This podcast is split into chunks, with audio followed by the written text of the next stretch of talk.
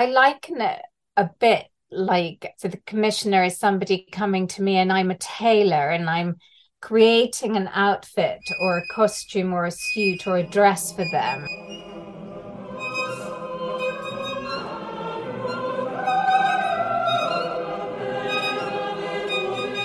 Welkom bij Koorzaken, de podcast van het Groot Omroepkoor.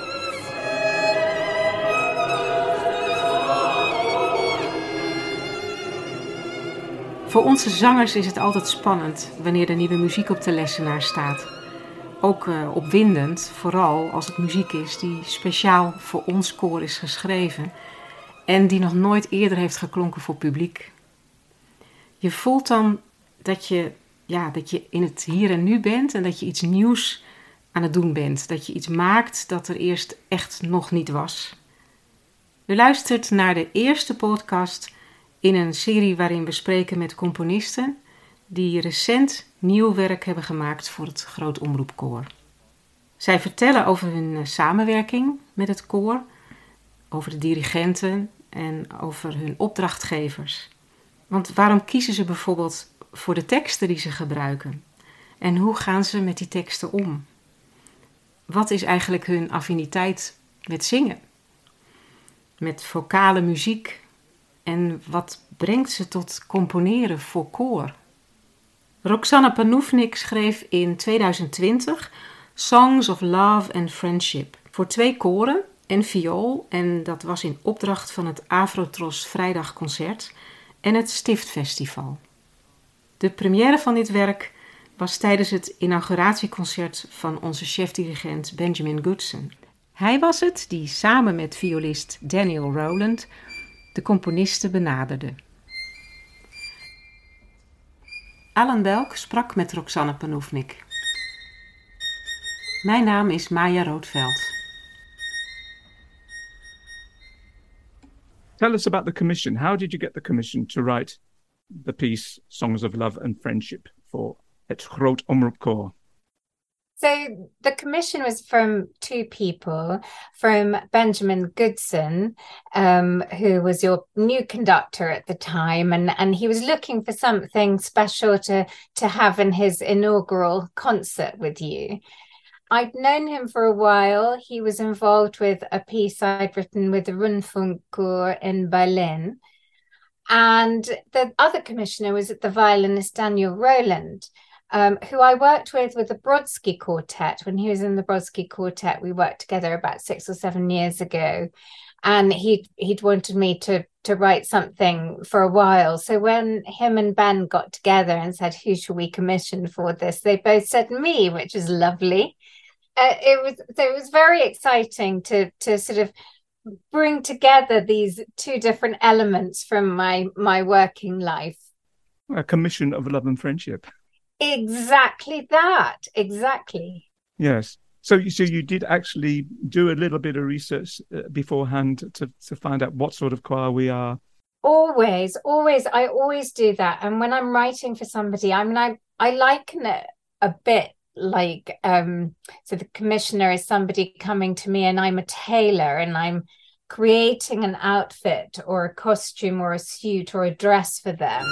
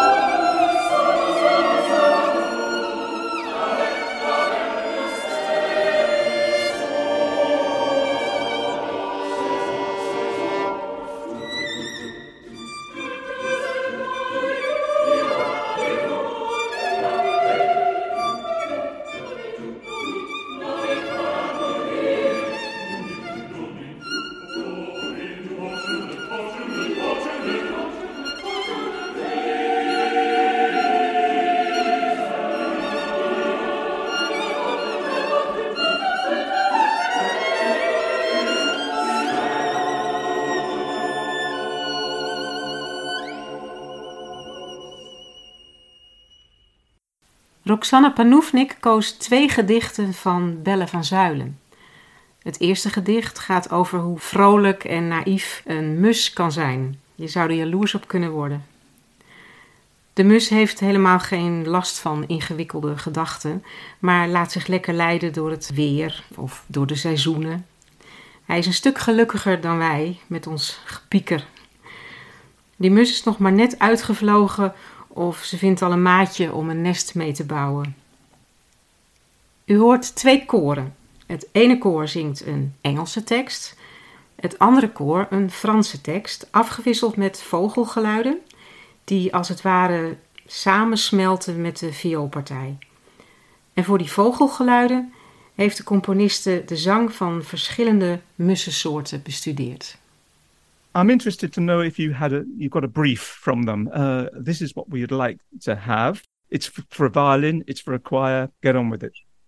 So usually it's quite a detailed brief you get from commissioners, and um, I suppose the most important part is obviously who's involved. So that's the choir and the violin, and then the duration, which I have to say I overshot because I had such a good time writing it, and then the next stage is the words. And quite often, when people commission vocal or choral pieces, they have some words in mind, or at least an event that they want to celebrate or a theme. But this was given to me total freedom for this. So I Googled Dutch poets and came across this amazing lady who I think lived from 1740 to 1805 and had a very French sounding name, Isabelle de Charrière, but she was actually Dutch, born and lived in Utrecht, and is known in the Netherlands as now you're going to have to help me with my pronunciation. Is it Bel van Zouwelen? Van Zouwelen, yeah. Exactly. But interestingly, in the mid 18th century, it was very fashionable for families to have their children taught in French. So everything she wrote was in French. And um, I, I mean, I've never set any French words, so I was very excited at the prospect of doing that. But I also wanted it to be in English because you really want the audience to be able to understand what's going on. So I did it um, simultaneously in French and English. So the choir is split up into two choirs, and one choir is singing in English and one choir in French. And so in the first poem, um, the first movement, Companion, um, choir one are singing the whole poem in French, and choir two are accompanying them with important key words not the whole all the words but just the important words in english. And then the roles change round for the next movement. Uh, so that that was my starting point. And then the first poem is about sparrows. And um, bizarrely actually i think a very high up violin sounds more like a sparrow than a high up woodwind instrument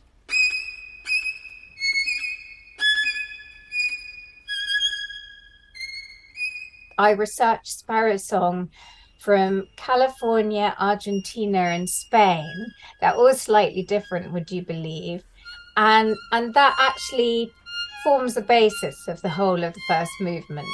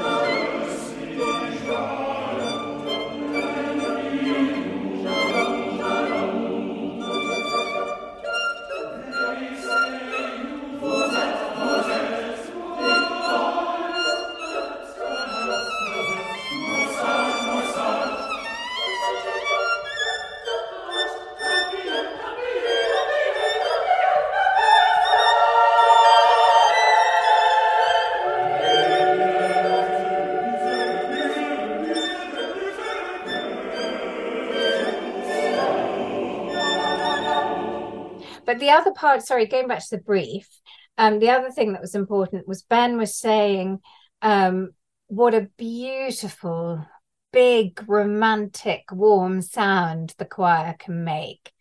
Um, and so I really capitalize on that in the the second movement, Conquest, which is about love and passion. And lots of passion.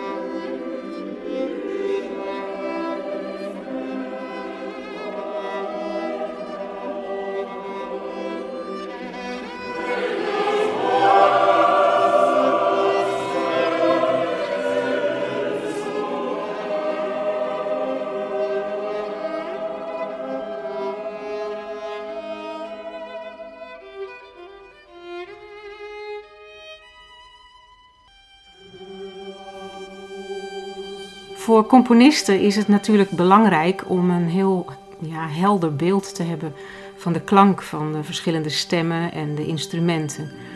Maar daarnaast moeten ze ook weten hoe die instrumenten bespeeld moeten worden en hoe een menselijke stem werkt.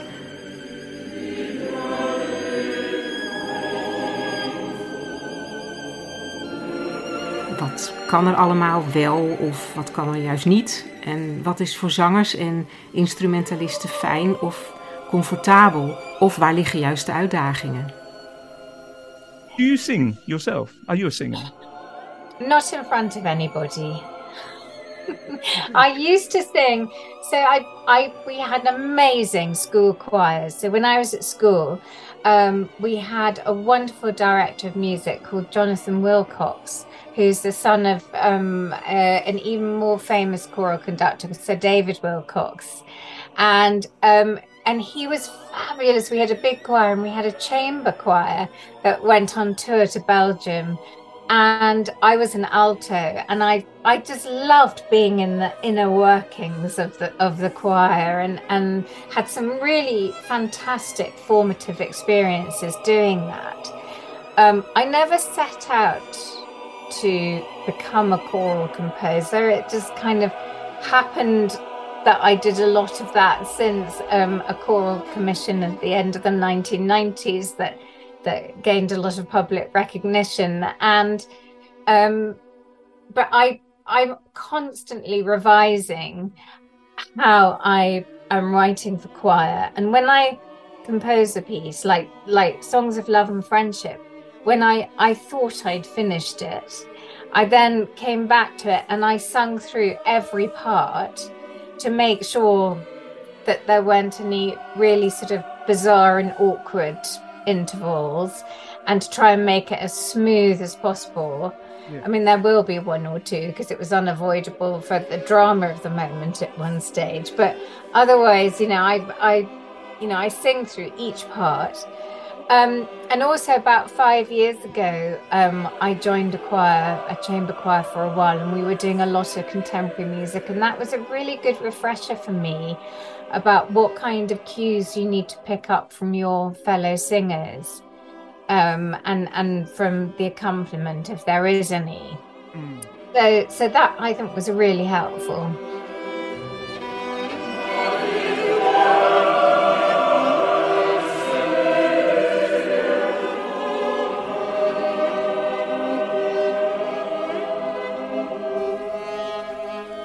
Songs of Love and Friendship beleefde vanwege de coronapandemie Helaas een verlaten première op 4 juli 2021 in het concertgebouw. De componiste kon daar zelf, ook vanwege die lockdown, niet bij aanwezig zijn. Toen het stuk in februari 2022 weer klonk in Tivoli Vredenburg in Utrecht, was hij gelukkig wel in de zaal. So, you got your commission, uh, you got your ideas, you got them down onto the page, you went backwards and forwards with the examples, and then you came to Utrecht and you heard the piece for the first time. How did that feel? Was it what you had in your mind, or was was it something else? Well, first of all, I have to say that um, I was so incredibly excited to be able to come out to U- Utrecht, more excited than even more excited than usual, because um, I was devastated to have to miss the first few performances. Um, so the first one um, at the Concert Concertgebouw, I'd never had a piece done at the Concert Concertgebouw before. It was such a big deal, but we were in um, a, a, lockdown where you couldn't go without sort of quarantining for 10 days, and it just wasn't possible. So by the time Utrecht came, I was just so excited. I could barely contain myself. And I thought, I, I've got to get there. And I did. And it was spectacular seeing you all at last. Um, all your smiling faces and coming to rehearsal and um, and hearing you do it live. I did hear um, online the the Concertgebouw performance, and so I I had heard you do it, but there's nothing like seeing people and and seeing you all smiling and and seeing you kind of move with the music and and putting yourselves really into it was such a treat. After that first hearing, how did that feel? was it oh uh, i should have done that differently or um... no i was delighted and because by the time the piece gets to um, performance stage i i will have already worked a lot with with ben and daniel but also i think ben sent me a recording of one of your rehearsals just before the concertgebouw mm. so so i did have the sound in mind. On the radio, uh, on the internet, it's really hard to get a sense of the balance of um you know between the voices. So i couldn't i couldn't really tell. So i kind of reserved judgment. So i was never going to get a true idea until i was in the room with you. I'm glad it turned out well. It did. I was thrilled. Thanks so much for your time it's a pleasure, Alan. It's lovely to talk to you. Yeah, and I hope uh, I hope we'll see you again soon. If not to do the, your piece again, uh, maybe the next piece. Yeah, it'd be wonderful. I would love that. I would really love that.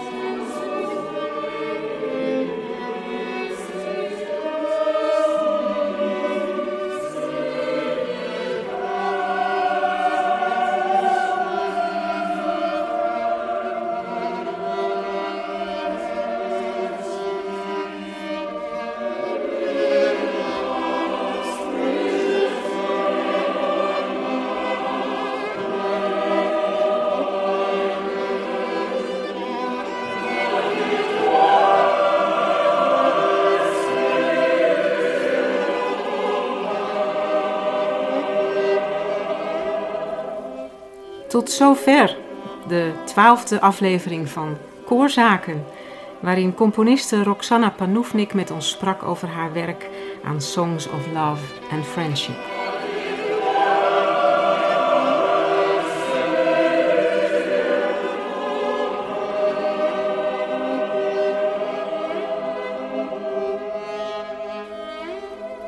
U hoorde violist Daniel Rowland en het Groot Omroepkoor onder leiding van Benjamin Goodson. In fragmenten uit het concert dat is opgenomen op 25 februari 2022 in Tivoli Vredenburg in Utrecht. Dit concert is nog terug te luisteren via NPO Klassiek Gemist. Heel veel dank aan Afrotros Vrijdagconcert dat we de opname van dit concert mochten gebruiken.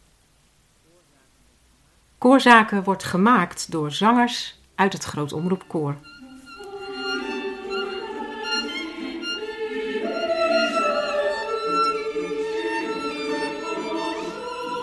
Alan Belk maakte de opname van het gesprek met de componisten.